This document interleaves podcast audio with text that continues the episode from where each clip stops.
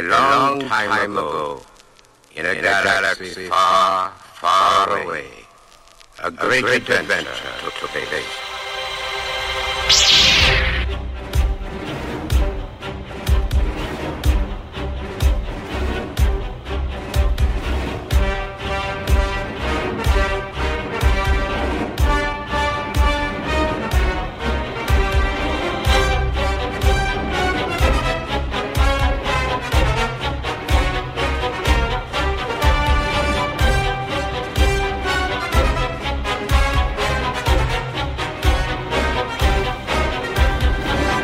I en galakse langt, langt borte finner du tre jedi-riddere som sitter rundt et bål og diskuterer fremtiden til jedi-ordenen. Jon Cato heter jeg. Velkommen, jedi-initiate Lars Rikard Olsen. Hello, hello, jedi-mester Jon Cato. Og så har vi jo med oss vår eh, kjære unge padawan Magnus Tellefsen. God dag, god dag. Vi er samla rundt bålet for å diskutere den nye Star Wars-filmen som har kommet ut nylig. Vi har sett den alle tre, er det ikke så? Yes. Og hva er dommen? Skal vi ta verdens korteste podkast? La oss bli ferdig på fem minutter. Terningkast. Terningkast fra hver. The end. Terningkast tre, verdens beste film. Tre kinoer, tre kinoopplevelser og vel årets største film, i hvert fall for Star Wars-fansen. Eh, og vi er jo alle tre Star Wars-fans, så vi tenkte at vi skulle ta en skikkelig spoiler-cast her i Lolbua og lage en spesialepisode kun om den nye Star Wars-filmen, der vi basically uh, går gjennom hele filmen fra A til Å. Oh, yeah. Og hvis du ikke har sett filmen, så uh, trenger du ikke å se den etter du har hørt den her, for da, nå, da vet du alt. Dette er en spoilercast. Spare deg for 130 spenn. Yes. Eller 160, som jeg betalte på ringen. Ja, Du kan gjerne sende oss, vippse oss det pengene for billetten, for det her er garantert bedre enn filmen. Jeg, jeg fikk igjen mine penger, og det kan jeg kanskje fortelle litt om seinere i uh, sendinga. Ja, ta det med en gang, fordi du fikk refundert filmen, eller Yes. hele kinobilletten din. Ja. Um, for det, dette var jo en ny sal, som jeg fortalte, med Dolby Atmos, og de hadde sånn CD-er som Det er sånn knapper på sida inni CD som du kan justere ut stresslessen, da. Som til og med det kommer opp som støtte under beina dine, og CD legger seg bak. Du, du ligger ned og ser på eh, film, rett og slett. Og det er nesten ikke stoler i salen. Veldig fancy opplegg, i hvert fall. Er det, er det det er den salen der, der du kan sitte i sånne seter som rister, og så blir du spruta vann på og sånn? Nei, nei, nei. Det er en helt ny sal som er åpna til denne visninga. Så okay, okay. det er et nytt sånn Supreme-konsept. Det er en nordisk film som eier kinoen. Så, Så, de har... så du var beta-publikum, kan vi si? Ja, og det skulle vise seg at eh, det var nøyaktig det jeg var. For eh, tre kvarter ut i filmen du vet, Når de er ferdig med å liksom etablere universet og bygge opp stemninga, og du er åpen for eh, handling, og ting, de store tingene i filmen begynner å skje, da røyk lyden. um, og det var ingen som skjønte noe. Det var stille i ja, et par minutter før folk begynte å pipe, og det var mange som begynte å tulle. og etter ti minutter så begynte mange i salen å lage lydeffekter på actionsekvensene som fremdeles pågikk på skjermen. Men all lufta gikk ut av ballongen, ikke sant? Og så begynte det å skje store ting, da. Som, som vi kun så på skjermen med norsk tekst. Men du fikk avslørt at det skjedde, og du visste at det, de er nødt til å spole tilbake filmen når de finner ut av lyden her, så jeg skal se dette en gang til. Og det er liksom ikke det du har mest lyst til når du har klart å, å skjerme deg sjøl fra, fra trailere i, i over et år, og så setter du deg ned i salen for å få et friskt blikk, og setter seg ned og bare åh, alt jeg ser nå er nytt. Så, så skal du liksom måtte se store deler av filmen to ganger, da. En med og en uten lyd. Etter hvert så kom lyset på. De hadde fremdeles ikke klart å, å kutte filmen. Og filmen spilte i en halvtime Hæ. uten lyd på skjermen. Så vi fikk jo spoila en halv time uten halv eh, time uten lyd What? før de klarte. Og de var flere ganger ute i salen og sa 'Vi prøver å pause den', vi prøver å pause den. Men herregud, det er jo digitalt. Det er jo bare å dra ut kontakten.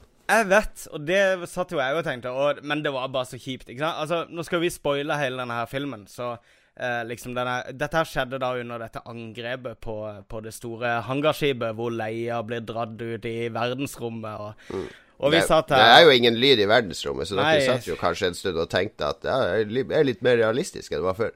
Var mye artig dialog da, som, eh, som kanskje hadde dramatisert eh, opplevelsen litt med Litt musikk jeg gjerne skulle hatt. Men altså, det gikk en hel halvtime. Det Jeg mener det var en skandale. Jeg gleda meg stort til å se filmen, og det hadde virkelig Det spilte ordentlig inn på opplevelsen. Selv om jeg kom inn i det igjen, og jeg elska jo filmen. Uh, har, har, du vært inne sånn på, på Riggen kino sin Facebook-side og gitt de én stjerne? Jeg vurderer det. Uh, men det, jeg, jeg syns de, de deala bra med det med å bare dele ut gratisbilletter til alle som ville, da. Men det som var greia, er jo at uh, når lyset skal komme på i salen igjen Det er programmert inn til når filmen slutter. Jeg så noen i Antorasje som rapporterte at, at lyset gikk på fem minutter før filmen var over. Uh, Buhu. For det at i Ringen kino, det er Nordisk Film som eier den kinosalen. så det, De har installert en haug med sånne uh, farveledder, og, og, uh, og, alt det ble jo selvfølgelig trigga en halvtime før filmen var ferdig. For uh, vi var jo ute av synk med, med visninga pga. disse lydproblemene. Ja. Så ja. midt i den der Kylo Ren-monologen i slutten, så bare kom lyset på. Hva faen for en tragedie, hele greia. Ja, var... en, en, en, gal AI som har tatt over ja. kinoene i Oslo, tydeligvis. Skikkelig, altså. Vi går inn i episode åtte. Vi begynner med spoilerne uh, nå. Uh, vi går igjennom hele filmen fra start til slutt. Eh, jeg har skrevet ned Jeg har vært på filmen ti ganger siden den kom, og jeg har transcriba all dialog. Så nei da. Vet, vet, du hva, det var ganske vanskelig å finne en sånn omfattende synopsis på nettet. Uh, jeg hadde trodd at uh, Star Wars-fans for lenge siden hadde hamra ut et komplett transcribe. Har sittet uh, sirkulert på å sitte i salene og fikse det. Men det, det, fant jeg ikke, så jeg har, det er litt etter hukommelsen og så litt etter Wikipedia, som eh, som har eh, eh, oppsummert filmen ganske greit. Mm. Hm. Bra. Vi begynner i starten. Uh, det går rett på med rulletekst, selvsagt. Og handlinga foregår jo bare minutter etter syveren avslutter. Altså Eh, opprørerne har klart å sprenge denne digre planeten eh, som, som eh, First Order brukte til å utrydde republikken. Vi husker jo at de skjøt en sånn megastråle som de lada opp fra sola som var i nærheten, og skjøt ut fem sånne eh, megastråler som, som sprengte fem planeter. Så hele republikken ligger jo i ruinene. Alle sentrene for uh, galaksen er ødelagte. Ja, verdens trasigste Death Star-utgave. Den der uh, planeten som liksom er verdens største kanon. Og jeg, jeg, tror Vi hadde vel en egen sending for den forrige Star Wars nå. Tenk hvor mye ressurser de brukte. De burde jo være bankerott, den republikken, eller hva de heter. First, first Order heter first de. Order. Eh, ja, du, du, stiller jo et veldig grunnleggende spørsmål her, for jeg lurer jo også litt på hvem disse First Order egentlig er. Fordi mm. imperiet var jo én ting. Det var jo De hadde jo kommet til makta litt sånn som eh, Hitler. Ja, jeg klarte ikke å unngå Hitler. Men de hadde jo liksom De var jo et politisk parti eller innflytelse i Senatet, og så via lyssky metoder så klarte de å kuppe hele Senatet og ta makta. Mm. Eh, og jeg, må jo gå ut fra at First Order på et eller annet vis har makta i galaksen, eller kanskje de bare har militær overmakt og er diktatur? Litt, eh, litt uh, usikkert, for de har i hvert fall verdens største ressurser. har de, Og de har klart å bygge seg opp etter at det der uh, imperiet ble sånn solid knust i episode Imperiet ble jo knust i episode seks, blir det vel? Mm. Og alt var fred og rolig. Kommer episode syv. Imperiet er tilbake, bare tusen ganger verre, liksom. Eh, ja, det har jo gått 30 år fra, fra 6 til 7, da, ja. så, så jeg, jeg, regner med at det er eh, Det finnes sikkert masse bøker og tegneserier og alt mulig som forklarer Jeg tror ikke det er noen som forklarer det spesifikt. Ikke som jeg har fått med meg. Hvordan de men... finansierer dødsstjerner, tenker du? Jeg regner med de har en uh, De har sånne sosialdemokratiske uh, skattesatser i galaksen der. De driver jo og høster inn skatter, gjør de ikke det? Så det, det er 50, 50% på uh, på høy inntekt i galaksen her, da kan du lage dødsstjerner.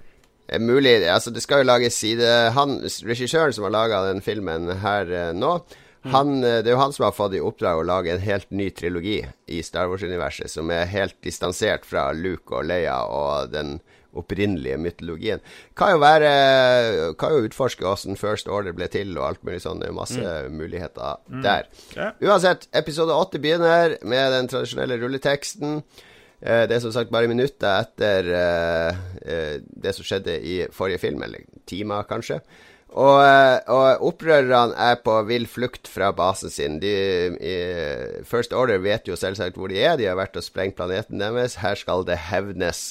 Akkurat som episode fem begynte med, med at uh, imperiet lette etter opprørsbasen, og så invaderte og prøvde å ta opprørerne, så er altså opprørerne på flukt fra den planeten de holder til på her.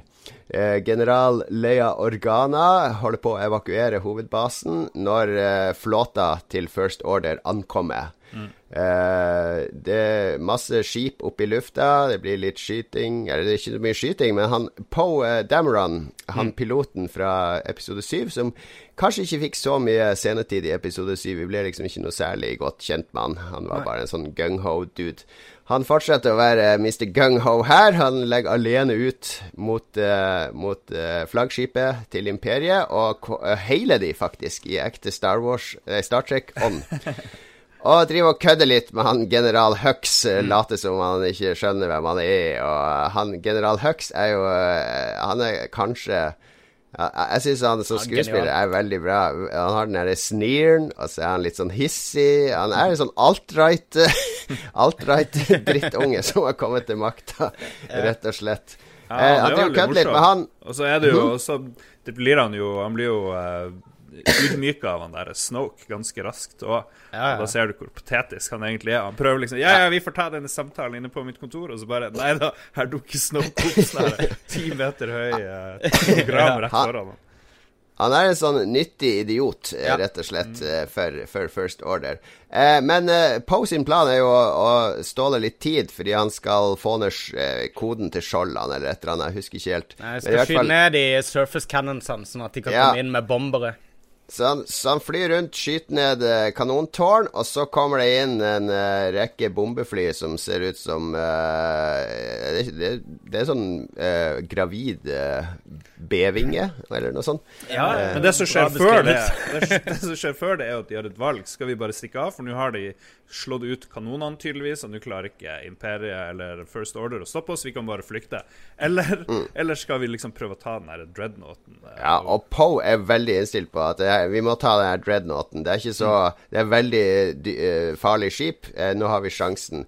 Så han overrider general Organa sin, sin ordre og kjører på med bombeangrepet. Og det resulterer jo i at alle bombeskipene går tapt. Det er ett som liksom kommer seg fram til målet og får sluppet ut uh, de bombene og sprengt den dreadnoughten. Uh, en veldig kul scene der med han mm. generalen, eller admiralen på dreadnoughten, som er typisk sånn britisk uh, general som går i døden med verdighet. Det er bare sånn to sekunder en scene. Han ser liksom OK, nå kommer vi til å sprenges, og så ser du han stramme leppa litt og bare skal gå ned med sitt skip. Det likte jeg godt. Litt rart at han der Huxley, eller hva han heter, ikke er på den store dreadnoughten. Han er tydeligvis på et av de her mindre, mindre skipene kose seg der. Ja.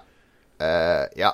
Uh, han er på et annet skip. Men jeg må jo det, det, her er jo Star Wars, så jeg svelger jo alt. Uh, det trenger ikke å følge fysikkens lover. Men jeg, jeg, skjønner jo ikke helt hvordan man slipper bombe i verdensrommet uten gravitasjon. er det noe sånn magnetkraftfelt som dytter de ut, eller jeg, jeg skjønner, Altså, for oss som ser da, så henger det på grep, fordi vi skjønner vi skjønner Vi kjenner oss igjen fra andre verdenskrig og sånn. Ser ut som en veldig dårlig idé av den bomberen, fordi de kjører i sånn fem kilometer i timen, og så må de liksom være rett over sitt mål, i motsetning til missiler da, som kan styre seg mm. sjøl og sånn. Så det virker som en veldig rar teknologi å liksom benytte seg av. Men, men ja. hun dama inni den bomberen, hun, er jo, hun har jo tyngdekraft. Hun driver jo ikke og svever rundt i lufta, gjør det, når hun prøver mm. å slippe løs de uh, bombene. Så det eksisterer tydeligvis. Ja, de har jo en artificial gravity inni skipene. Og Ja, og det er nok altså, til at det, får fart på vei ut av skipet. Og da trenger du bare å seile nedover med ja, Veldig godt poeng. Veldig godt poeng. Yes. Jeg tror vi går inn i et rabbit hole hvis vi skal begynne å diskutere realistisk fysikk. fysikk og sånn i, suger i. Star Wars. Men det er et poeng at hun dama dør.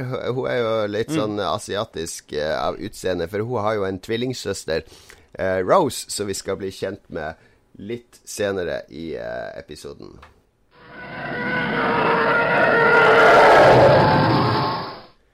Ok, skal vi fortsette, eller har vi mer vi vil diskutere fra åpninga? Jeg alle- ja, jo, jeg kan si det om Poe, da. Eh, siden vi nevnte han. Hvis vi ikke skal snakke så mye om han senere, da. Men jeg, jeg liker at han har fått mye mer kjøtt på beina i, eh, i denne filmen enn i den forrige. Og mm. eh, jeg syns de underbygger veldig bra at han er den soleklart suvereneste eh, piloten i Rebel-flåten eh, eh, i introen. At de får etablert den ordentlig. Som at eh, han har skillsene. Det er ikke bare rykter om han, sånn som det er mye i syveren, da. Så snakker de bare om hvor Ja, Jeg syns, jeg syns han er litt for flink. Han er litt for, og det var han i, i episode syv år, liksom. Han bare leker med absolutt alle, og det fins ingen som er i nærheten, liksom. Og da er det jo Ja, ikke noe, da er ikke noe nerve. Hver gang han er i lufta, han kommer til å knuse alle, og så flyr han litt som en sånn tegnefilm. Han liksom bremser i lufta, bare skriver, og så bare Ja, han tror han Breg hadde som brekksledd oppå der. ja, litt sånn fysikken, Den gamle fysikken i Star Wars er bare ut vinduet. Nå er det sånn eh, Wiley Coyote Ja. Hvis ikke Altså, sånn er Altså, den moven der, det, det står i instruksjonsboka i Wing Commander, faktisk, på eh, Når du Ja, feil univers, feil univers. La oss fortsette historien her. Eh, eh, Opprørerne klarer å rømme, men eh, hun, eh, general Leia hun er ikke helt fornøyd med Poe, som får en reprimande. Han blir jo faktisk eh, han mister vel kapteintittelen sin, blir demoted. Og han eh, supreme leader Snoke han er heller ikke så fornøyd med han eh, general Hux, som hadde lova å knuse alle opprørerne, men lot de slippe unna. Så han eh, får seg en på trynet ganske direkte. Han, han vil jo gjerne ta samtalen på kammerset med Snoke, men han, i stedet så ydmyker Snoke han på broa ved å smelle han i bakken med kraften og sånn. Ja. Du Eh, nevnte, jo, scene. du nevnte jo at starten minner litt om episode fem, og det er jo noe Det er jo et, en, en kjepphest har. Og da er det jo det samme i episode fem, etter at de feiler å ta eh, rebellene på Hot, den isplaneten i starten av fem. Så kommer jo han, eh, Darth Vader over telefonen og dreper en masse eller ydmyke andre folk eh, som har feila i å fange de her eh, rebellene. Det er, ikke, det er ikke plagiat, det er grep. Ja, det, ja, jeg sier ikke at det er noe galt, men det er bare Det er, Ja det er mange det er paralleller. Det er ikke så ille som det var i syveren, som nesten er en remake av fireren. Men, eh, men jo da, det er, det er klart paralleller. I mellomtida så har jo Ray og Chewbacca og Artudito ankommet eh, planeten Ach-2, som den så fint heter. Der Luke Skywalker har levd i eksil i over eh, Ja, det er vel 30 år, eller noe sånt. Ja. Um, husker jo at episode syv slutta jo med at Ray eh, endelig hadde funnet Luke og skulle gi han lyssabelen sin, så nå er vi klar for en tårevåt scene der Luke tenner lyssabelen sin og finner veien tilbake til uh, lyset og skal komme og hjelpe dem. I stedet så kaster han jo lyssabelen over skuldra si og sier 'fuck it, let's go bowling', uh, basically. Det var ganske morsomt. Nei, han, han ignorerer henne ganske glatt og ber om å stikke. Uh, han, er, han er ferdig. Han, uh, han er, det er en knekt mann vi ser her. Uh, Luke, som alltid har vært denne positive, litt naive bondegutten som tror på det gode i alle og prøver å redde faren sin og passe på søstera si og tar vare på vennene sine. Vi ser en desillusjonert gammel mann her. Bitter. Bitter mann. Det eneste han gjør, det er å melke de her grusomme dyrene på eh, de her klippene. Hva faen var det? Det kunne de spart seg for. Fantastisk! Sånn Det blikket, det ansiktsuttrykket de dyrene har når de blir melka, er helt eh, Det er legendarisk. Han lever i pakt med naturen, skal vi disse scenene vise. At han er en enkel mann som har gått tilbake til naturen øh, og lever en veldig anonym tilværelse der han ikke skader noen eller er til øh, ja. Eh, skaper bølger. Han har i hvert fall funnet en bedre planet enn det Yoda gjorde i femma, som det her minner mye om Man ser jo til og med en X-Wing under vann, som er liksom Den satt vi sikkert og tenkte OK, den må hun dra opp eh, fra vannet liksom, med kraften. Men som han Luke sier, at nei, her driver vi ikke og leviterer steiner og sånne ting. Vi har liksom han har lært litt av sin trening. Det fins viktigere ting enn å springe rundt med Yoda på ryggen. Men, eh, men Han nekter rett og slett å, å lære noe til Ray, og, eh, og, og han eh, nekter også å bli med tilbake. Uh, så det, det blir jo litt sånn der uh, full stopp her for Ray. Hun vet ikke helt hva hun skal gjøre. Uh, så hun driver og trener litt sjøl. det er noen sånne morsomme vaktmestere på denne planeten som blir litt oppgitt når hun skyter hull i en vegg og litt sånne ting. Men jeg, jeg syns jo det er ganske Den øya er litt Jeg syns det er den er bra laga, den øya der. Med alle Ja. de trappene og alt det der. Det virker som en veldig bra sted for sånn eremitttilværelse og, og ettertanke og alt mulig sånn. Men det er liksom kun en øy. Hvor kommer de tjenerne fra? Ble liksom, eksisterer vel de, de bor bare på den øya, som en sånn rar Madagaskar-rase som kun er der, liksom. De er, Helt sikkert. Og noen søte, søte små sånne fuglevesener er det jo oppe Ja. De der eh, lemen-ugle-greia. Kyllinger. Det var jo Du, jeg elsker de. Jeg, jeg vet at ikke alle er så fan av de, men eh, jeg vet ikke. De, de overspiller sånn på alle emosjoner, de der, at de blir, eh, de blir sånn komisk patetiske. Det er jo en veldig morsom scene der, der Chewbacca har eh, drept en av de og grilla, og så skal han spise den, og så sitter alle disse tårevåte dyrene i skrekk og ser på at eh, han skal spise en av dem. Så han må jo gi opp til slutt. Jeg digger òg de der. Jeg syns de der tjenerrasen, de der amfibiene, froskene som går rundt med sånne nonneklær, jeg vet ikke hva Ja. Var for noe. Jeg hater de, men så kom de her eh, Så kom de her kyllingene som bare er sånne her verdens dårligste puppets. Jeg var på å dø av latter. Og etter det så bare fant jeg ut at OK, jeg må koble ut. Jeg klarte liksom å ikke ta Star Wars så seriøst som jeg, Ja, ja, ja. jeg vanligvis tar, og så koste jeg meg faktisk stort sett gjennom hele filmen etter det. da. Ja. For Nei, det, de er veldig mye Jim Henson. Ja, og det er mye humor i denne filmen, og, og, og som, som passer egentlig ganske bra inn. For det Mm. det er en ganske pressa stemning i store deler av filmen. Det er en ganske desperat film, akkurat som episode fire, der eh, de snille eller de gode har kniven på strupen stort sett gjennom hele filmen.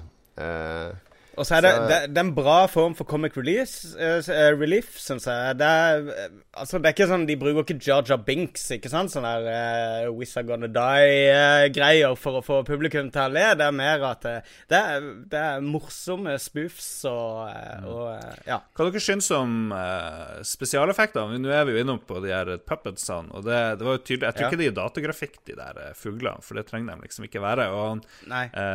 Yoda er Jim var, Henson, Yoda var puppet, og det var også mye med bruk av uh, sånne matte paintings.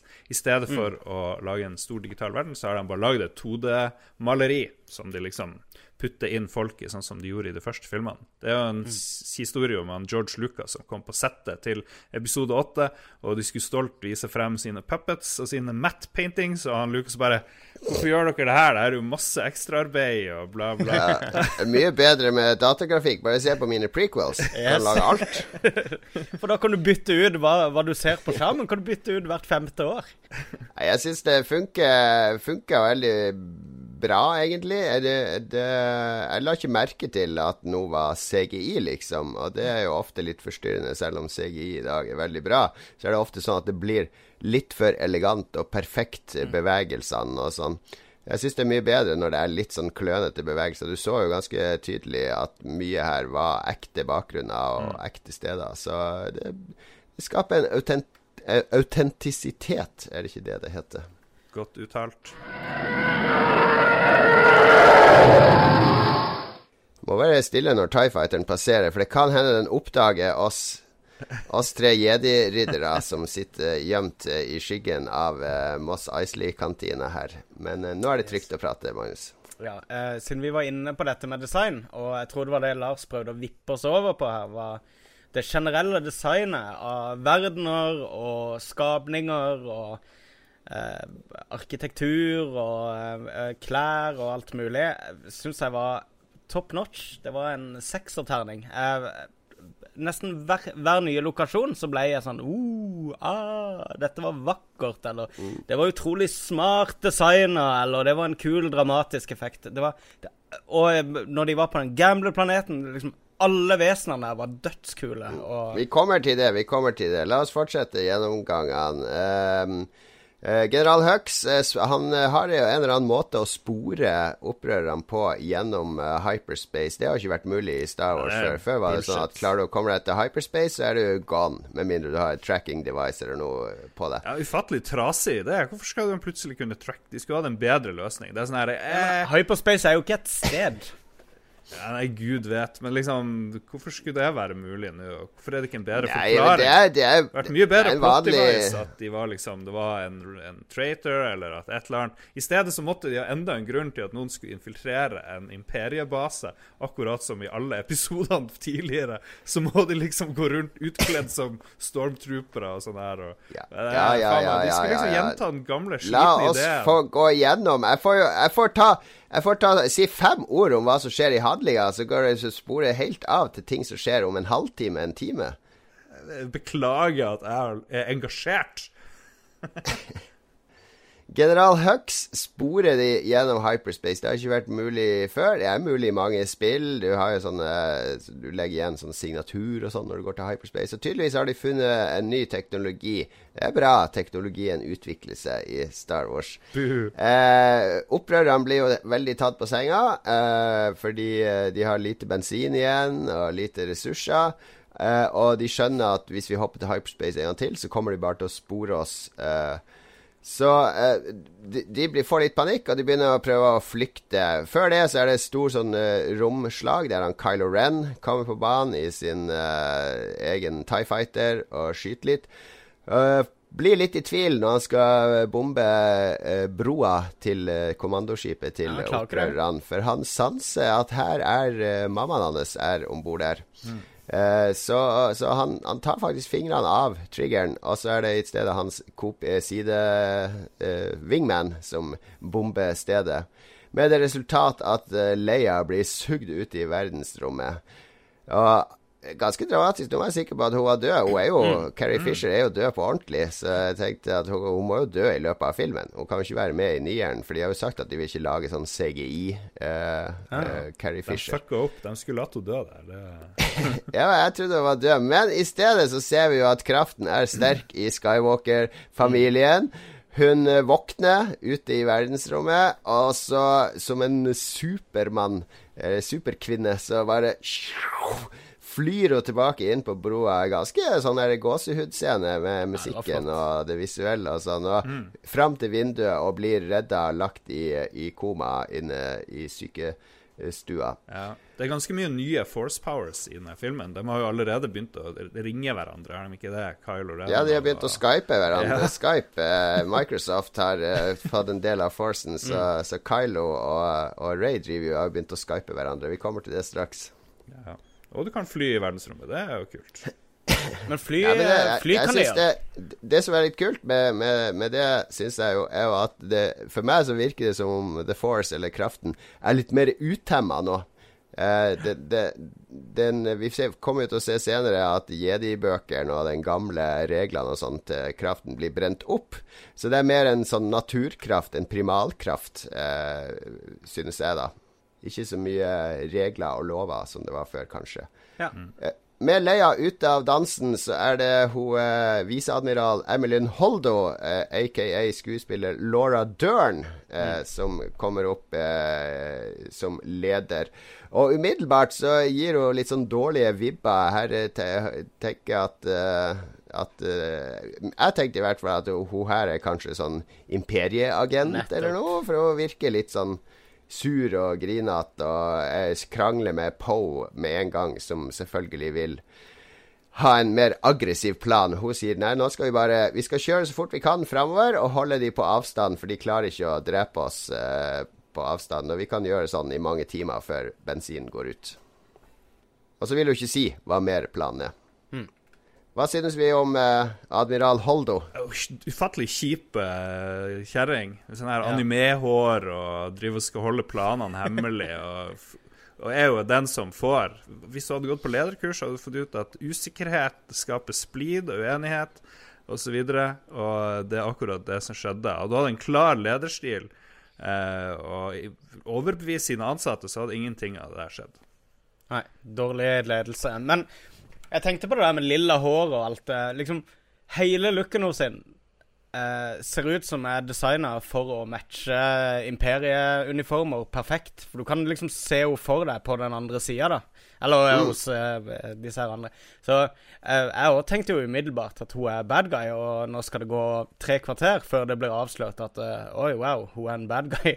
Eh, men jeg syns de dealer med det på en utrolig mye smartere måte. Jeg var litt skuffa etterpå, men så, så har det liksom vokst på med den løsninga de hadde da. For det, det, forteller litt om Poe, hele den der maktkampen de to imellom.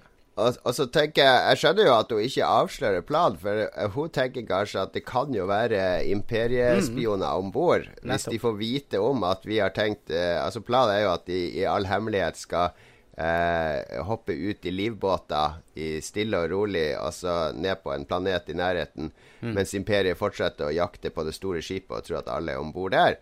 Hvis du hadde annonsert det til alle at vi skal gjøre det, og det er én sånn spion der som signaliserer dette imperiet, så er det jo fucked. ikke sant? Så, så jeg skjønner jo at hun holder den planen hemmelig. Men hun burde jo vite at han Poe er en løs kanon på dekk, følger aldri, aldri ordre, osv. Det Det er riktig. For Poe, eller Finn nå, han, Finn er jo helt besatt av Ray. Han har jo vært uh, stormtrooper uh, uh, hele sitt liv. Eller han er, Vi vet ikke så mye om bakgrunnen til Finn. Nei. Men han var jo stormtrooper. Han har vel ikke noen foreldre. Han heter jo FN2387 eller et eller annet. han er jo jeg tror ikke han er så sosialt veltilpassa utenfor Stormtrooper-regimet. Så hans eneste holdepunkt uh, i friheten, det er jo Ray. Det var jo mm. hun som redda han, og han som redda hun. Så han er veldig besatt av å finne henne. Han har jo tatt det armbåndet som eh, Leia har. Det er sånn ar tracking-armbånd som eh, Ray skal bruke for å finne tilbake til flåtten når hun, når hun har henta Luke. Og han vil ut og finne hodet. Han skjønner at hvis hun kommer tilbake hit, så kommer hun til å dø sammen med resten av eh, opprørerne. Så han prøver å stikke av. Eh, enda en litt sånn humoristisk scene der hun Rose, søstera til hun som døde på bombeskipet, oppdager han, og han bare ja, det er å inspisere livbåtene og bla, bla, bla. Og hun skjønner hva han holder på med, og arresterer han, og så dukker Poe opp, og så begynner de tre å legge en plan da for en alternativ måte å komme unna på, som involverer å, å infiltrere det, det, flaggskipet til First Order, der Snoke er om bord, og, og Kylo. Og, og disable tracking-devicen som er der. Altså den som lar de spore opprørerne når de går til hyperjump. en helt sånn vill, syk plan. En, vi, har en, vi har hele First Order etter oss. Av en eller annen merkelig grunn så klarer ikke de å ta oss igjen jeg vet ikke, De kan ikke hoppe i lightspeed liksom foran de og så vente, eller liksom sende ut de her millionene av Star Destroyerne de har. De klarer, det går ikke an liksom å fange dem, og det er greit. Det er litt sånn Star Trek-aktig, følte jeg, handling. Fordi nå har vi en sånn statisk greie som skjer mens vi gjør noe annet, ikke sant. Litt sånn Er det ikke skjoldene som gjør det? At skipet har sånne skjold som gjør at de er nødt til å angripe med det der hovedskipet sitt? Ja, de må det, være på nært hold, og de ja. har ikke like mye fart, Star Destroyerne. Jeg som har spilt Star Wars Armada, vet jo at Star Destroyer har lavere fart ja. enn en Corellian Corvette og de andre. Men du kan fly i hyperspace, komme litt foran dem. Jo, men det, det, det sier de jo òg, at de har bare bensin til ett hyperspace jump til. Ja, men eh, mm. Imperiet eller First Order kan gjøre det de Ja, men jeg tror det må Det er en minimumdistanse på hyperspace jump, så da vil de komme for langt unna, Lars. Okay, det her er logisk. Ja, det, det, her er ren fysikk. Er, det er ufattelig teit. Og så er den store planen at de skal liksom komme inn i eh, det ene skipet som de av en eller annen grunn finner ut Der er tracking device. Vet ikke helt hvordan de vet det, men OK, det skipet har tracking device som kan følge etter oss. Og siden vi må fikse det, så må vi ned på en sånn her eh, jævla gamblerplanet veldig mye rare logiske sprang eh, i den eh, delen der, da. Det går, går, litt fort akkurat her. De er på leting etter en hacker. Men når det gjelder det med avstander på lightspeed, Jon Cato, så må du jo huske at uh, på ett punkt så snur jo rebellskipet og lightspeeder rett inn i det andre skipet.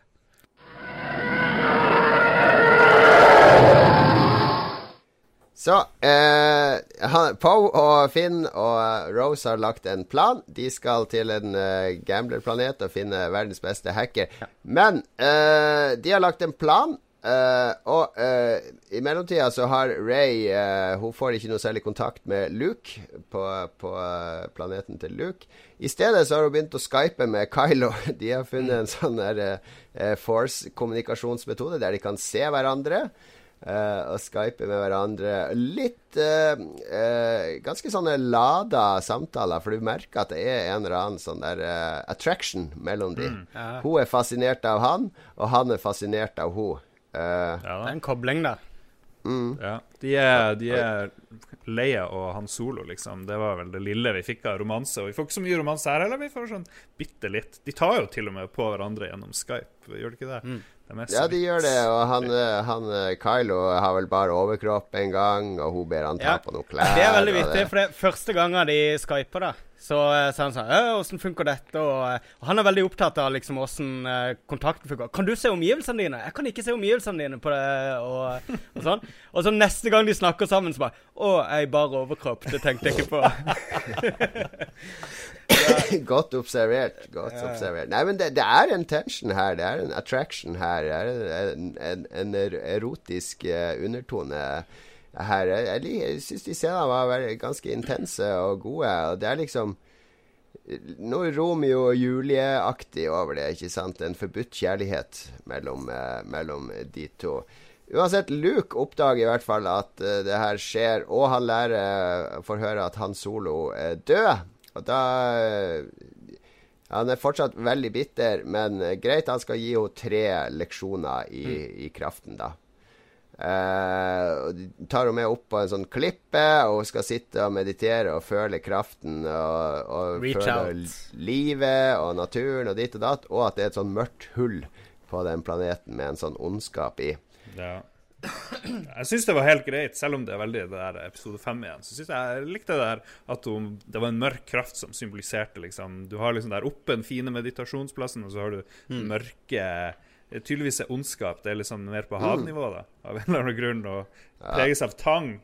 Hun, hun graviterer jo automatisk sånn rett til mørket. Umiddelbart. Ja. Ikke sant? Og det er jo det Luke blir så sjokkert av det.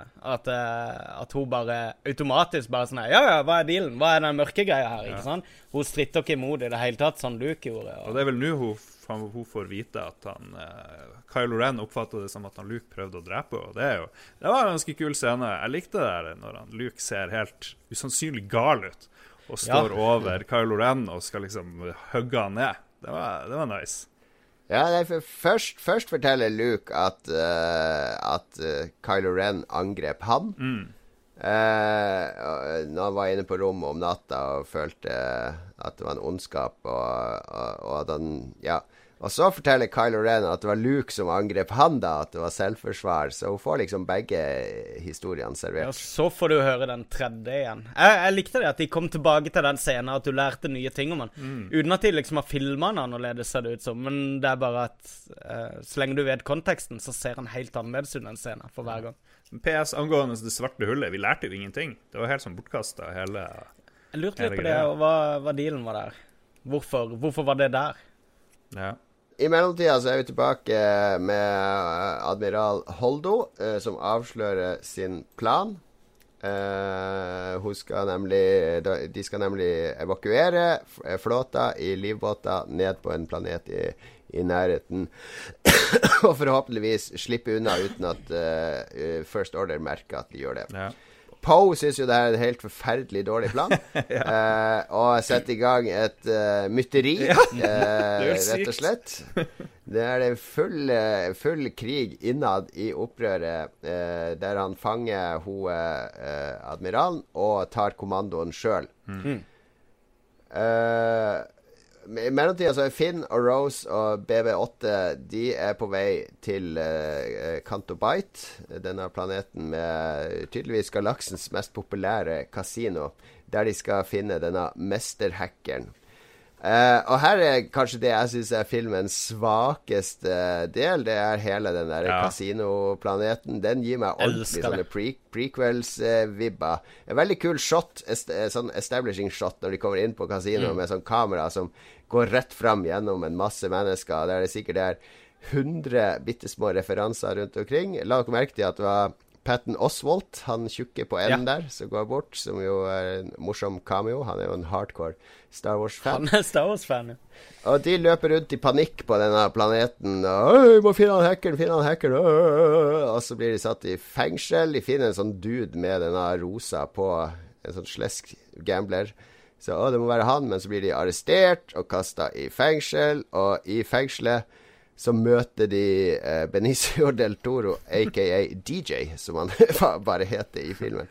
Kul karakter, da, men liksom Hvorfor må de ned på den gamblerplaneten, som jeg er helt enig er totalt unødvendig og bare 100% bullshit? De kunne møtt Jeg ham håper det er relevant neste film. De kunne møtt ham på rebellskipet, liksom. Holdt eh, han kunne, De kunne hatt et lite kasino, eller liksom Det er jo så Men han var jo undercover, han her. Han er jo ikke åpen rebell, er han det?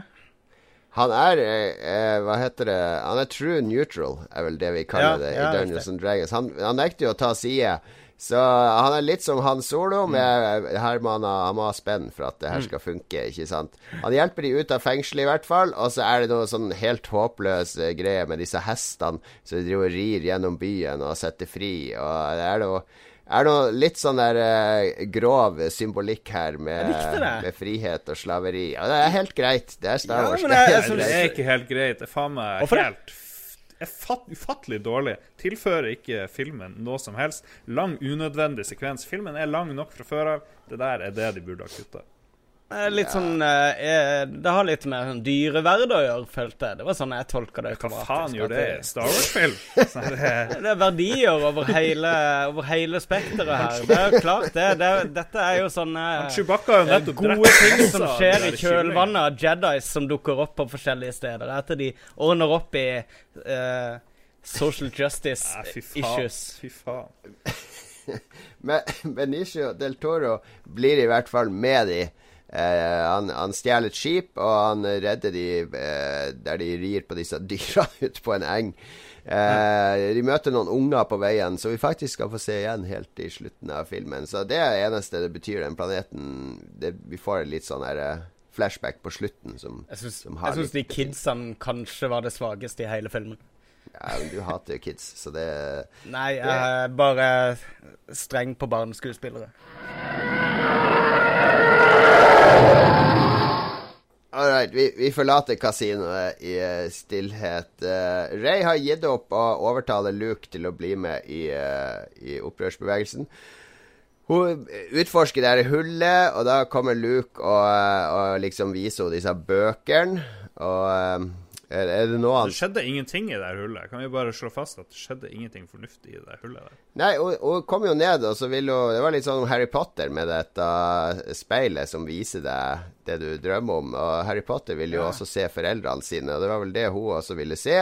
Og så blir det sånn vill speileffekt, og så ser hun bare seg sjøl i speilet, da. Ja, kult. Eh, som jo eh, eh, Det er jo Hun og Kylo er jo liksom to motpoler, ikke sant? Kylo er veldig opptatt av å begrave fortida si og stake ut sin egen fremtid, mens, uh, mens Ray er veldig opptatt av å finne fortida si og foreldrene som forlot henne, og, og hvorfor hun ja, Altså forklare hvem, hvem hun er, Ja. og hvorfor hun er sånn som hun er. Det er jo veldig tema i filmen, hele den motpoleffekten på Kylo Ren og, og Jeg syns det er veldig fin sånn eh, dualitet der. Men hun gir i hvert fall opp å få han med seg tilbake, så hun forlater planeten uten han. eh, og har nå snakka så mye med Kylo at hun har bestemt seg for å konfrontere han. Hun har den der naive troen som Luke hadde i episode seks, på at hvis hun bare snakker med han, så kanskje hun kan overtale Kylo til å forlate den mørke sida og, og, og bli med på, på den gode sida. Eh, når hun drar, da, så kommer jo Yoda og besøker Luke. Eh, vittig som alltid Yoda. Eh, litt sånn sarkastisk og, og syrlig. Han kan tydeligvis ja. lage Han kunne tydeligvis lage lyn og få det treet til å brenne, virka det som. Yoda. Eller hadde han bare spådd det at det skulle skje? Nei, han kan jo selvfølgelig det. Yoda var jo den største jedi-mesteren av alle. Eh, Luke, Luke eh, har bestemt seg for å brenne dette treet, og så kommer Yoda og begynner å bable om at 'failure is the greatest master', og ditt og datt. Og så i stedet for at Luke brenner treet, så bare sender Yoda et lyn ned og sier 'fuck fortida', kraften er det den er, og eh, bøker jeg har ikke noe å si. You cannot learn karate from book, og sånn, sier han. Han, er, han viste vel hvor nazist han var, Yoda, ved at han elsker å brenne bøker og glemme fortida. Nå er det Og så videre. Det var bare kommunistisk litteratur som ble brent. Det er litt sånn oppvekker for Luke, da, eh, når Yoda kommer og irettesetter han litt. Eh, I 30 år har han ignorert alt han har lært, og prøvd å glemme alt. Så nå Bodd på verdens kjipeste planet i 30 år. og Bare, å, jeg er kanskje ikke så lurt. Nei. Så han får noe å tenke på, i hvert fall. Mens Ray lander på flaggskipet til Snoke, og Kylo kommer og, og, og Hun sendes vel inn i en sånn eh, likkiste, nærmest. Er ikke det? En sånn livbåt som blir sendt ut. Så hun kommer inn, og der står Kylo og hele gjengen og venter på henne. Eh, og hun blir tatt med da til Snokes eh, kammer. Eh, på vei dit så prøver hun å overtale Kylo til å å forlate den onde sida. Og Snoke sitt kammer Herregud, for et lekkert uh, filmsett da med disse røde fargene og disse vaktene som står rundt. Det var, det var det, det så veldig bra ut på storskjermen. Ja, det var, det var sånn 70-tall-lair, følte jeg. Uh, utrolig kult designa. Den rødfargen satte Og i tillegg med de Imperial Guardsene i røde, røde uniformer som står Ja, de var veldig glad i å stå og pose hver gang noen nærma seg Snoke. Så var det sånn derre Fram med nunchakoen og Ja, men de sånn var der- kule. Og samurai-krigere som står Ja, der. ja. Han Snoke avslører jo at det var han som brakte Kan vi ikke si Snoke? Han Snoke innrømmer at han har brakt Nordlendinger! Han har brakt hun, eh, ho, Kylo, eh, Ren og ho, eh, Hva heter hun da? Ray? Eh, I Ja, han som hadde enabla skypinga mellom de. Ja, han ja. hadde åpna IP-adressene deres sånn at de kunne skype. Ja, og Sånn sett er det jo en slags sammenslåing av episode 5 og 6, hvor i den ene så kommer Luke frivillig tilbake til eh, faren fordi han mener han kan turne han tilbake til den lyse sida. I episode 5 så blir han lurt ikke sant, til Bespin og Cloud Cityen, hvor Darth Vader venter. Så jeg ser det som en slags eh, sammensmelting av de, de to greiene. Men det er jo en jævlig morsom konfrontasjon, da. Jeg liker, liker det her eh, de må, Hvem er det som skal snu? Skal hun dama bli ond, Ja. eller skal han bli snill? Og så Så er det ingen av delene. Kanskje høydepunktet i filmen ja, hele disse Det er jo flere ting som pågår samtidig her, da, men det inne i tronsalen til Snoke er jo kanskje. Fordi vi vet ikke helt hvilken vei det skal gå. Skal uh, Vi vet ikke utfallet her, ikke sant? Det, ikke, det kan svinge mange veier. Så det er veldig sånn der tension i lufta. Og, men hva syns vi? Du hata jo Snoke i episode syv. Lars, når han var sånn gigantisk eh, Andy Serkis-hologram. Ja. Nå eh, kommer han jo i levende live, ser mer ut som eh, Olav Thon blanda med Elefantmannen. Ja, det, han er jo CG, og det hater jeg. Men det var OK, det var bra CG, da. Men hvorfor ikke ha en vanlig skuespiller? Jeg skjønner ikke. Og det, jeg ble litt skuffa, fordi når han var sånn her ti meter høyt hologram i syva, så tenkte jeg OK, da er han kanskje ti centimeter høy på ordentlig, og det, det burde han jo vært. Det hadde vært litt morsomt. Ja, akkurat som Leia var jo 10 cm høy hele episode 4 Ja. etter det hologrammet i introen. Nei, hun hadde sånn lite hologram, så hun var jo egentlig ti meter høy. Ja. Og det var det Lars forventa i episode Ja, fire. sånn, ja. jeg skjønner. Jeg skjønner. Um, Nei, men jeg, jeg syns Snoke var, var bra. Han var perfekt, syns jeg. Ja. jeg. Jeg likte han ikke så godt i eh, forrige episode. Jeg syns han fikk liksom vite så lite om han egentlig. Så bare det trynet i hologrammet. Og han var ikke så imponerende der. Han var mye kulere når du så han i real life, eh, liksom. Eh, CGI real life. Så, så han driver jo og brifer litt. Uh, driver og denger hun uh, Ray litt med kraften. eh, Slenger henne litt hit og dit. Og så sier han til Kylo at nå skal du drepe henne. Og nå er jo Kylo Nå står han jo her foran hun som han har en veldig fascinasjon for, og sjefen sin. Og eh, du ser at han er veldig hva, hva skal jeg gjøre nå? Og det er en veldig, veldig spenning her da. Og så begynner han å bruke kraft litt, og du ser lyssabelen som ligger attmed Snoke, rører litt på seg, og så bare rubb! Så han stabba Snoke i midten gjennom magen med lyssabelen, og Ja, Snoke det var smart, altså. Delt i to. Og så lett var det å ta snukket. Og da går jo vaktene amok, og da må Kylo og Ray sammen bekjempe disse vaktene. Ganske gode vakter. Det er ikke noe mm. sånn pushover, sånn som Stormtrooper. Ifølge vår venn Jens Arthur så er det ikke Royal Guard, det er Elite Pretorian Guard. Det er to forskjellige ting. Selv om de ser helt like ut, så er det Ja, de ser helt like ut. Ja, men da, da vi spiller, Stopp opptaket, så spiller vi inn på nytt. Ja, dette må vi endre på. Vi kan ikke ha med faktafeil i Og så kan vi også bare sette kamera på meg mens jeg utfører seppuku i den anledning. Ja, det er, en ganske kul kamp, syns jeg. Bra mm. koreografi. Mm. Veldig kul avslutning når han eh, Kylo headshotter han som står og holder ja. han bak med lyset. Klikk, klikk. ja. Det er jo kjempekult. Og uh, ja, jeg, hele den kampscenen er dritbra, syns jeg. De, de uh, bruker force powers-ene uh, veldig kreativt. Og, mm. og, de sliter, for det, det, er vel vibroblades de bruker, uh, de vaktene. Som er ganske Det er like farlig på en måte som, som lightsabers. Mm. Det er jo de, de, klarer å ta vakten, og Kylo tar da ut hånda som Darth Vader til Luke, og 'Together we shall rule the galaxy like husband and wife', eller noe sånt. ja. uh, uh, Hooray er ikke interessert i det, så det blir en sånn Force of Wills der de struggler om å gripe den lyssabelen i midten. En veldig sånn symbolsk, uh, billedlig, mm. flott scene. Hun vinner denne kampen og klarer å komme seg unna, mens Kylo utnevner seg sjøl til den nye supreme leader. Han kommer jo an general Hux etter hvert og lurer på hva i helvete som har skjedd her. Ja, det er morsomt. Og, Men og, jeg, jeg liker veldig godt Og så bare Nei, du skal ikke være sjef. Og så bare sånn Jo, OK. Men det jeg likte veldig godt, var Det er akkurat som du sa, Jon Cato, at eh, du, eh, før uh, hun, Ray går inn i rommet der, så ser du for deg to scenarioer.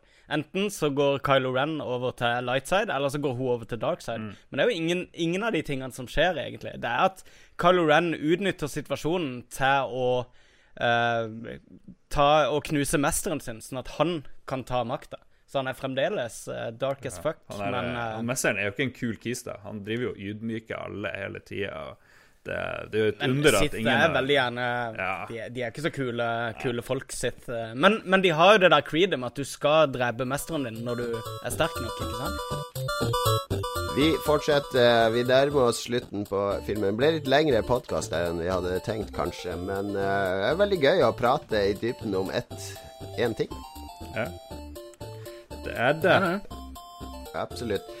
Nå, uh, samtidig som det har skjedd det, Vi kan ikke gå helt sånn kronologisk gjennom filmen, fordi det skjer ofte flere ting på en gang. Men samtidig som denne kampen mellom Kylo og Ray, så har jo uh, våre venner Uh, eh, DJ og Finn og Rose og BB8 De har infiltrert The First Order Ship. Uh, forkledd seg da som uh, imperie- eller First Order-offiserer. BB8 har tatt en sånn Metal Gear Solid-pappeske på seg. og, og surrer rundt. Krasjer i vegger osv. Eh, morsom infiltrasjonsscene der de skal finne fram til denne skannegreia som gjør at eh, de, de, kan tracke de gjennom hyperspace. De kommer seg fram dit. Hackeren får de inn eh, døra der til slutt. Men de blir tatt til fange. Og det var, jeg synes det var ganske dramatisk når de ble tatt til fange. Bare herregud, nå er de fucked, tenkte jeg. Åssen skal, skal, det her gå? Ja, så heldigvis kommer Gud og fikser alle problemene deres uh, til slutt. Men ja, ja. Det, det, morsomste i hele filmen er jo nesten når BB8 fer rundt i den der uh, søppeldunken som noen bare setter over han. Det, det syns jeg er gøy. Ellers er det veldig lite minneverdig, hele den sekvensen der. Ja.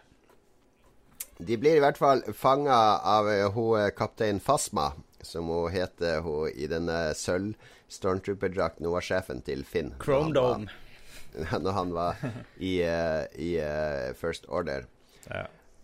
Um, uh, Leia, Leia har nå våkna opp på opprørsskipet. Og der Poe har tatt kommandoen, og hun bare Hva faen er det du holder på med? Skyter han rett ned med stønn på, på laserpistolen. Men Burde ikke han der Poe bli avlivet? Han har gått mot ordre så mange ganger, satt ting i fare. ikke sant? En løs kanon på dekk er ikke bra i krig. Jo, men du vet jo Hvem var det Leia lagde barn med? Det var jo Han Solo, men Han Solo var ikke ansatt. Ja, Han Solo var jo den løseste kanonen av alle. Hun ser jo Han Solo i Poe, ikke, po, ikke sant? Hun ser jo eh, Hun faller jo for disse, disse eh, skurketypene. Så Også- hun Ja, det er i hvert fall ikke inflasjon i eh, medlemmer i Rebel Alliance akkurat på det punktet i filmen heller. Det er vel eh, De begynner vel å nærme seg utdødhet, gjør de ikke det? Og eh, de, de, Medlemstallet går eh, raskere ned enn en, eh, Nå skulle jeg finne en veldig god analogi, men eh, fan, fan, Fanklubben til Gary Glitter. Ok nice. Nice.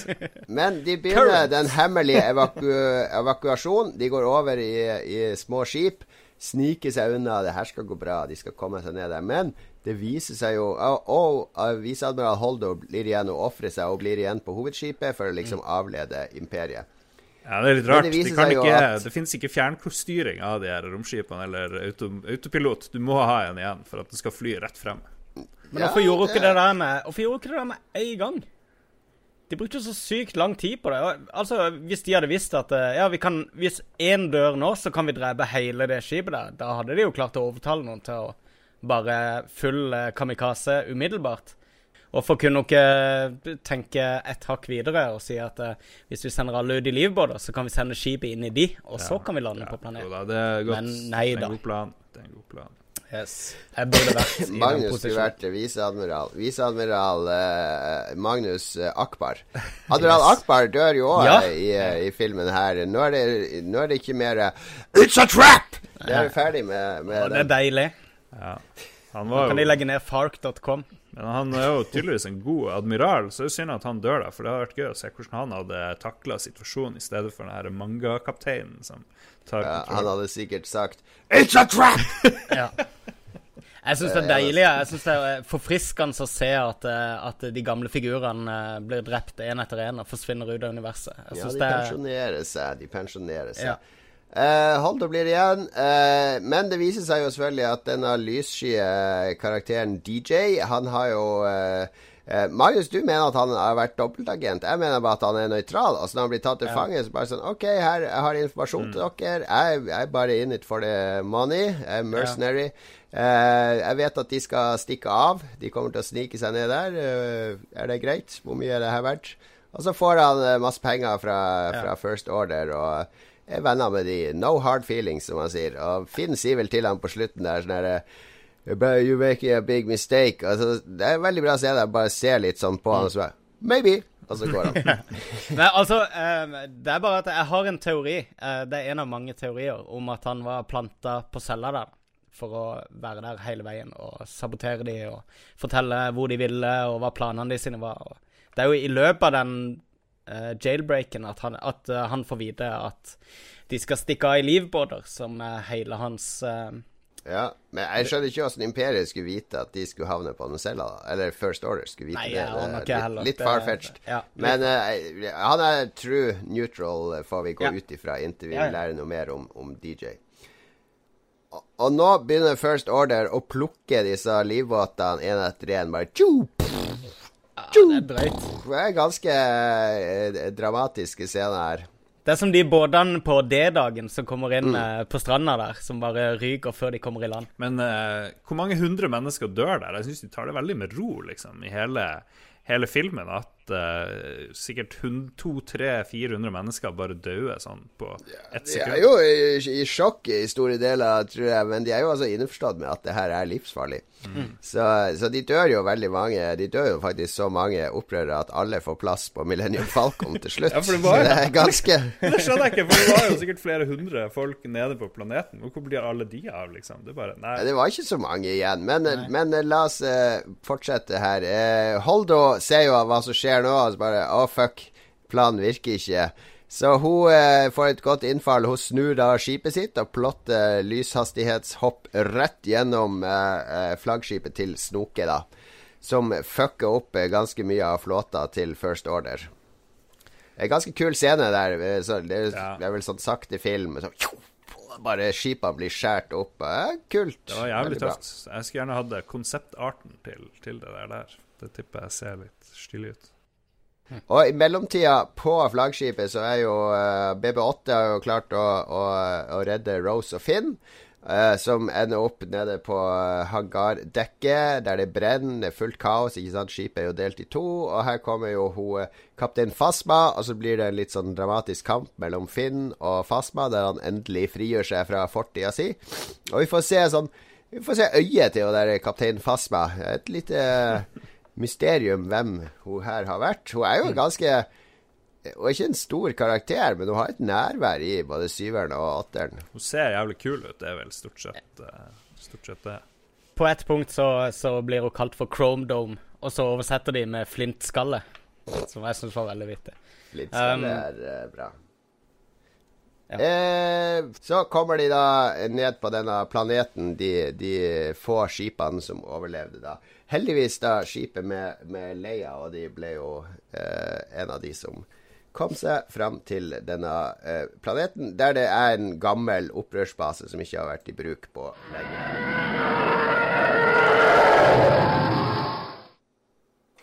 Veldig finurlig, den lyden der eh, du spiller av og til. Ja, De sier at det er en elefant som er eh, pitcha veldig ned, og så har det lagt ja. på noen sånne greier. Jeg, jeg har jeg lest. Det er Tie Fightere som flyr nærme deg. Mm. Kult. Mm. Uh, de kommer da ned på den planeten, men det er jo litt sånn uh, håpløst, fordi First Order vet jo at de er der. Og selv om det var, ble litt kaos når uh, flaggskipet til, til Snoke ble ødelagt, så får de jo fort summa seg og følge etter ned. Og da kommer de jo ned med AT, AT Walkers og en gigantisk kanon, da. Fordi opprørerne er jo nå inne i et fjell. De har en diger sånn her uh, dør som, som holder uh, de andre utafor. Mm. Og de er inne i fjellet her, får liv i denne gamle basen og sender ut et nødsignal og ber om hjelp fra alle i hele uh, galaksen. Eller det gjorde de kanskje tidligere. De fikk i hvert fall ikke noe særlig svar fra noen. Ja, de, nei, de sender, de sender signaler fra den nye basen. Nede på ja. Hoth 2, som vi kan kalle det. ja, det, det, det, det syns jeg er litt rart, fordi det er jo åpenbart Nå er jo, det er jo bare en dag siden den der eh, dødsplaneten til First Order ble sprengt. Mm. Eh, Snoke er drept. Flaggskipet til Snoke er tatt. Opprørerne sender ut Hei, kom igjen. Nå må dere stå opp. Nå må dere få bort denne tyrannen. Og så alle bare Veldig godt poeng. Veldig godt poeng. Ja. Men um, den ser jævlig kul ut, den nye planeten de kommer ned til. da Uh, ja. Jeg digger, digger looken. Jeg tenkte det her må være Magnus sin drømmeplanet. Det ikke bare er overflata hvit, den blir rød når du gjør noe med overflata. Oh, det er så vakkert med de der flyfotoene når de, når de kjører over med landspeederne sånn. Jeg syns det er så kult. Og det, det, er vel der rødfargen på plakaten uh, kommer fra. Ja, og det er også Snoke sitt rom er jo rødt, så, så ja. rød er jo selve fargen her. Ja, planeten er jo dekt av hvitt salt, og så under der så er det sånn rød sand. Ja. Så det er en veldig kul eh, kontrast. Um, de, eh, de, er i hvert fall uh, desperate inn her, for de skjønner at denne kanonen, som ifølge Finn er, er litt sånn dødsstjerna i miniatyr når det gjelder kraft på den strålen, den kommer til å smelte døra deres. Og det er ingen escape, så, så de setter sammen noen sånne gamle speederskip. Og mm. skal ut og slåss, finner de ut. Uh, det er jo selvfølgelig Poe po som leder det her. Han kan jo ikke sitte på ræva og vente.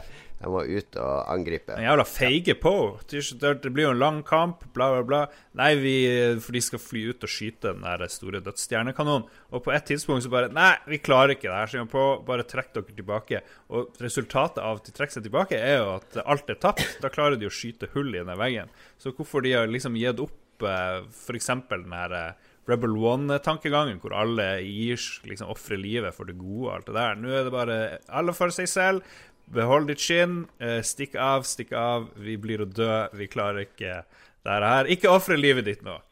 Det er jo mer De er fem stykker igjen, liksom. De må uh... Ja, jeg syns ikke det er så ille. Det er første gang Poe skjønner at det er kanskje ikke rå makt som er løsninga på alt. da, Så det er en liten sånn revelation for han. Ja. Uh, men det, Finn Jeg hadde faktisk trodd at Finn skulle ofre seg der. Uh, fordi Finn har egentlig ikke noe backstory. Han er den minst definerte av de karakterene. Han har vært litt sånn comic relief. og Han ser alltid sjokkert ut og overraska ut og stressa ut. Ikke i Åsteren så mye som i Nei, men jeg, jeg syns han er litt sånn der eh, Jeg mangler litt kjøtt på beinet der. Jeg syns Poe er mer definert nå. Finn er, må fortsatt finne seg sjøl litt. No pun intended finner liksom ikke noen sånne åpenbare love interests med Ray lenger. Og det, det syns jeg forbedrer. Det hever rollen hans sin veldig. At det er et mer, sannsynligvis et mer platonisk forhold mellom dem. Men nå er det jo Star Wars, så platonisk og incest og kjærlighet er akkurat det samme. det virker jo som at han skal få et eller annet forhold til Rose. Så, ja. så, vi får se. Men Rose redda han i hvert fall uh, fra Det var et kult tilskudd. Ja, på den hvite planeten så må de fargede holde seg for seg sjøl, er jo større enn egentlig her på slutten. Det er som en ekte Lord. rasist ser den filmen. Men det som er litt morsomt, okay. er jo at eh, Millennium Falcon kommer swoopende inn idet de mm. holder på å tape til en ny dødsstjerne. Det er jo en minidødsstjerne som er der nede og skal liksom ødelegge den Rebel-basen, og så kommer Millennium Falcon igjen. og og redde dagen. Eh, sånn som den alltid gjør. Du, satt du med armene i kryss hele filmen, Lars? Ja. Ray, og, Ray og Chewbacca dukker opp og hjelper til, det er sant. Men de klarer jo å blaste et hull i den døra, og nå er alt tapt, tenker de. Helt til Luke Skywalker dukker opp inne på basen der og sier hei til R2D. Eller, ja, han går da rundt, uh, C3PO er forfjamsa, snakker litt med Leia, gir henne uh, de terningene til han solo. Og så stepper han ut av dette hullet i døra, da, skal uh, konfrontere Kylo og First Order. Og de stopper jo opp, og Kylo blir jo helt uh, vill når han ser Luke der. Bare Skyt, skyt, skyt! så får alle AT-AT-ene og alle kanonene mm. peprer jo Luke med en barrage av fire. Um, og, hvor han general Hux uh, når de endelig ceasefire, sier Do you think you hit him? ja. fra det sinsirlige britiske Det er mye bra humor, da, også når Millennium Falcon er der. Så bare They really hate that ship. Så det er masse sånne kule kommentarer. Og så De her fuglene er vel sterkt til stede i Millennium Falcon òg, før det. Chewbacca har det med å bonde med sånne dyr, da. Det har han jo gjort eh, alltid. Ja. Så, så han har jo tatt med seg disse fuglene. Så eh, ja, han, han, de har skutt på Luke. Han må jo være død, men nei da, der står han og tenker ok, nå har Luke blitt sånn super-jedi-mester Han var laget som skjold som har eh, klart å holde unna all den ilden mm. der, da. Så det blir jo en lyssabelduell mellom Luke og Kylo ute på disse sletten. Veldig flott og vakker kamp. Ja. Eh, ganske bra moves òg inn i den kampen til tider. Ja, veldig samuraiaktig. Du står og venter på mm. hverandre, ikke sant. Og så tar det lang tid, og så gjør én et move, og så bare whoosh, bare ett move, og så er det liksom ferdig. Bortsett fra at her treffer ingen noe. Superepisk, den, eh, den scenen der. Det er eneste ordet som beskriver det. Eh, Luke hjelper jo de nå med Fordi de opprørerne inne i mellomtida har funnet en mm. bakvei ut av denne basen. Uh, der Ray og Millennium Falcon uh, clearer en, en, path for dem med å løfte unna en del steiner ved hjelp av kraften. Mens Luke da distraherer Kylo og First Order her nede. Og uh, enden på kampen er jo at Kylo tar Luke, men så viser det seg at Luke var jo ikke der. Han forsvinner bare. Det var en astral pro, force projection. Luke yes. har hele tida sittet på uh, Arto på platået sitt og meditert. Arto, uh, sendt eh, sitt, eh, sin ånd og sitt legeme over halve galaksen for å hjelpe opprørerne. Filmen nå nærmer seg slutten. Luke eh, dør. Han joiner Eller han Kroppen hans eh, forsvinner, og han blir en del av kraften, som vel er skjebnen til jedi-ridderne. Ja. Eh, opprørerne stue seg inn i Millennium Falcon. Uh, jeg syns det er en kul scene når, de, uh, sitter mange samla inne der i den stua på Millennium Falcon, der Chewbacca og C3PO spilte sjakk i gamle dager, der mm. Luke øvde med lyssabelen mot denne drona. Eh, det er liksom samme Vi er på samme sted som vi var i episode fire. Eh, eh, og opprørerne er redusert til 30-40 mennesker. Men de er veldig fornøyd eh, likevel. Bare ja, ja, ja, ja, ja. Fått bort de svake. Vi, det er ingen stor sorg, tydeligvis, i uh, Millennium-folket. Ja, men de, uh, First Order klarte ikke å utrydde de, så det er jo seieren her. Det er jo samme folk mente på slutten av Imperiet slår tilbake, at hæ, det var ikke noe happy ending. Dette, Det kan jo ikke slutte sånn. men Poenget er jo at det her er jo nesten en happy ending, selv om det ikke burde være det. Så jeg tenker at de torde ikke gjøre slutten så depressiv som den burde være. Uh, liksom Selv Luke dør, og det er bare Ja, jeg, jeg føler meg ikke trist, jeg. Det er som alle går på Prozac, og jeg bare Hei, hei, hei, hei, ja. Dette går så bra. Det slutter jo med at rebellene er bomba tilbake til steinalderen da, og må begynne helt på nytt og finne opp hjulet. Ja, jeg tror jo First Order er ganske redusert òg, da. Eh, de har jo mista ganske mye, de òg, da. Så begge er jo ganske redusert. Men det som er den egentlige slutten, det er jo tilbake på Canto Bight, altså eh, kasinoplaneten. Der en av eh, stallguttene eh, eh, bruker kraften til å, til å få en kost over til seg. Det var subtilt koste- og herlig filma, syns jeg. ja, det er kost stallen, og så stirrer han opp mot stjernehimmelen og drømmer om Det er akkurat som Det her er jo igjen et sånn spark tilbake til, til episode fire, der Luke, bondegutten Luke, står og ser på de to solene utafor Tatooine, og drømmer seg bort fra fra sin hverdag som bondegutt og, og drømmer om å bli med i opprøret. Her står det en ny unggutt med litt jedi-krefter og drømmer om å bli med i Resistance. Vi så jo de to solene òg da han døde. Han Luke til tonene han derre Binary Sunset-teamet til han John Williams. Ja, det var litt kult. Det var litt kult. All right. Lytterspørsmål. Vi kan ha tid til et par, noen få lytterspørsmål, så må vi nesten avslutte, for jeg må dra snart. Ok, Øystein Reinertsen lurer på hva vi hadde gjort hvis det hadde vært Luke etter Return of the Jedi. I hans verden eh, så fremstår han som en fucking sytepave som har gjemt seg fra ansvaret som teoretisk sett kan ventes fra han, i og med at han er den siste jedi. Og hvem Ja, det forholdet eh, Det forklares jo veldig hvorfor han er en sytepave. Det er jo fordi han føler han har eh, fucka opp alt. Eh, eh, prøvd å drepe nesten Kylo Ren og Nevøen sin. Nevøen sin. Men han er en sytepave. Han er litt sånn Litt sytepave. Men jeg kjøper det. Jeg kjøper det. Jeg syns Kylo. Ren er mer sutrete enn en Luke. Men tenk deg hva Luke har vært gjennom. Først mista han onkelen og tanta si, eh, Mm. st- stormtroopere. Så prøver han å redde faren sin, men ender opp med at faren òg er drept. Han får i hvert fall en viss forsoning der. Og så viser det seg at hun som han var si. forelska i, hun er søstera hans. Ah, Og så må han si at hun driver og humper og kliner med bestekompisen sin, Yes. som ikke er så veldig gøy, tenker jeg. Så jeg har vært gjennom mye. Jeg har jo litt eh, Jeg har lov å være litt emo. Så du har en teori om at han tok det litt ut på Kylo Ren? eh? sånn der bitterhet fra Ja, jeg skjønner. Eh, Vandrefalk sier at noe av humoren var facepalm, både på, på bekostning av publikum og out of character, men endelig fikk Red Guards noe å gjøre. Den scenen var badass. Helt enig. Henning Østrem Rottwitt, hva syns vi om at karakterene fra den originale trilogien eh, nå viser seg å ikke ha fått sin lykkelige slutt etter episode seks likevel, men har opplevd et helvete de siste 20 årene, tilsynelatende for vår underholdning? Forhåpentligvis for vår underholdning, da. Ja, det er jo litt trist. Enhver slutt er en ny begynnelse, er ikke det det heter? Ja.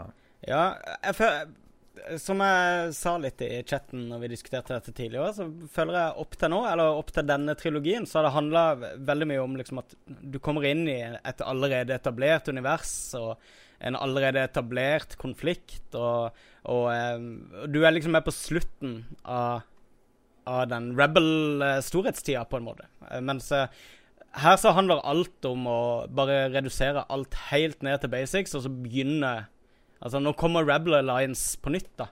Uh, så, så nå får vi se en begynnelse på en sånn uh, rebellklubb. mens eh, vi frem til nå egentlig bare har sett slutten av en konflikt. ja. Lars Hagen Halvorsen sier at filmen var bedre enn Force Awakens, men var det ikke jævlig teit da Leia fløy med Supermann-pose tilbake til skipet? Jeg syns det var litt kult. Men, en, Ja, jeg syns det var helt, helt greit. men de burde jo bytta om at det ikke var Luke som skulle dø i den filmen, men uh, Leia. Uh, og til slutt, Ståle Balvinsson, vår gruppeadministrator. 'Brannfakkel'. Beste filmen i serien så langt. Ikke langt unna, i hvert fall. Veldig bra film, det er vi enige om. Til å være Star Wars-film, så er det rangerer den her på høyde med fire, fem og åtte. Det er de tre beste, syns Ja, jeg. den her kommer etter originaltrilogien. Selvfølgelig er de originaltrilogien best til evig tid. Vi får være enige å være uenige. Jeg håper dere likte vår spesialsending om uh, Star Wars. Vi kommer nå til å se én ny film i uka og lage Nei da, vi gjør ikke det. Vi, vi, hvis dere syns det var veldig kult, så kanskje vi kan gjøre det med flere ting, som TV-serier eller spill eller andre ting, der vi, vi vier en spesialsending til det. Uh, vi er jo litt Vi gjør jo Lolbua eksisterer jo vår, vi, Vårt fundament er å gjøre ting som vi sjøl syns er gøy eh, og snakke om ting som vi sjøl syns er gøy, men vi vil jo gjerne at dere lyttere òg bidrar til hva dere vil høre om. Og hvis dere syns det her var en fantastisk kul sending, så si ifra. Hvis dere syns det var bare teit, så, så si gjerne ifra om det òg. Vi skal i hvert fall se Star Wars episode 9 når den kommer på kino, hvis vi er i live da. Det vet vi jo ikke. Er Sikkert et par år til den kommer. Uh, før den tid så er det en Han Solo-film. Er det noe vi gleder oss til? Ja, hvis det er en bra regissør Jeg syns det her viste at en bra regissør kan gjøre ganske mye. Uh, stor forskjell. Han hadde vel både regi og manus, han som uh, lagde den filmen her. For øvrig han som også lagde filmen Looper, som var en ganske kul film. Um, kan jeg bare nevne helt på tampen den mest sentrale eh, figuren i hele den filmen? Det er Strykejernet. Strykejernet glemte vi å nevne. Nok en, eh, en humoristisk eh, scene. Vi er tilbake ved en sending til før jul. Neste uke så blir det Sidbua i eh, romjula. Og så på nyåret så blir det full fart igjen fra Lolbua med masse nye spalter. Masse nye. Vi skal bytte ut eh, to av Lolbua-deltakerne. Lars og Magnus de har fått sparken. Jeg skal finne ut Nei da, jeg bare kødda. Vi er tilbake ganske snart. Kos dere med Star Wars. Eh, er vi idioter? Er dere uenige med oss? Eh, bidra i Lolbua eh, sin Facebook-gruppe eller i den hemmelige Lolbua Entourage-gruppa for hardcore kjern. Inntil da, fortsatt god adventstid. Ha det bra! Ha det.